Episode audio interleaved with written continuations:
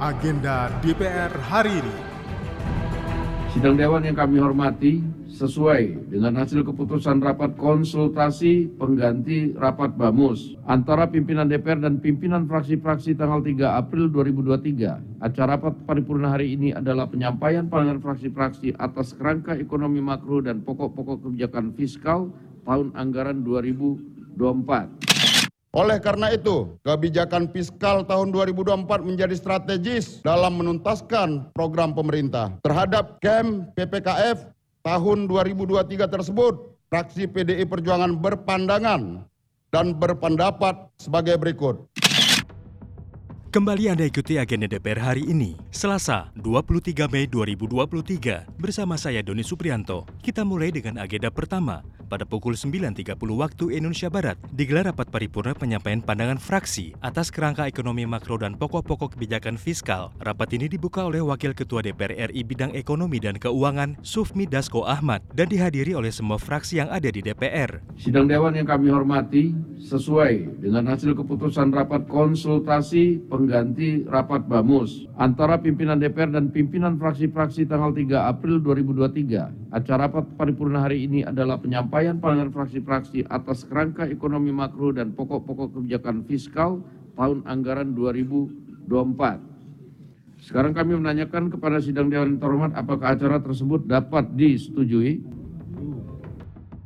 Pada sesi penyampaian pandangan, wakil dari fraksi Partai Demokrasi Indonesia Perjuangan, Masinton Pasaribu, menyampaikan pandangan terkait kebijakan fiskal untuk transformasi inklusif, struktural, dengan konsolidasi fiskal menyeluruh.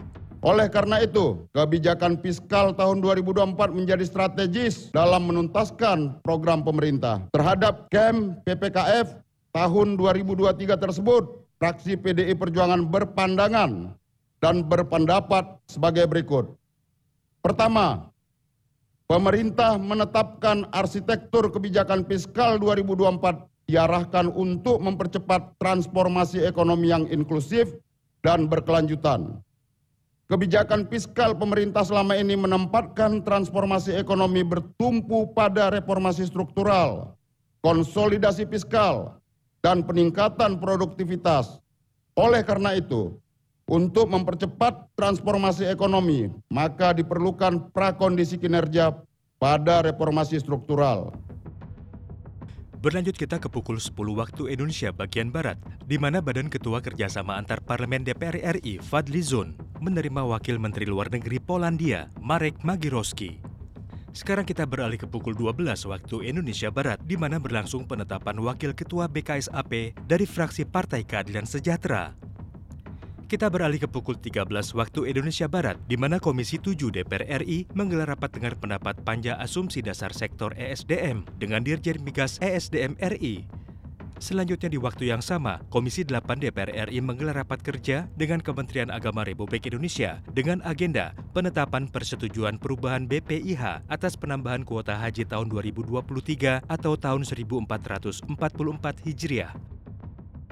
Masih di jam yang sama, digelar dialektika demokrasi dengan tema Menilik Persiapan Haji 2023 dengan narasumber anggota Komisi 8 DPR RI John Kennedy Aziz dari fraksi Golkar, Dirjen PHU Kementerian Agama Hilman Latif, Bendara Umum Amhuri M. Tauhid Hamdi, serta Muhammad Munif dari Perspektif Media. Acara ini digelar dengan moderator Ali Yudin dari jurnalis jurnas.com.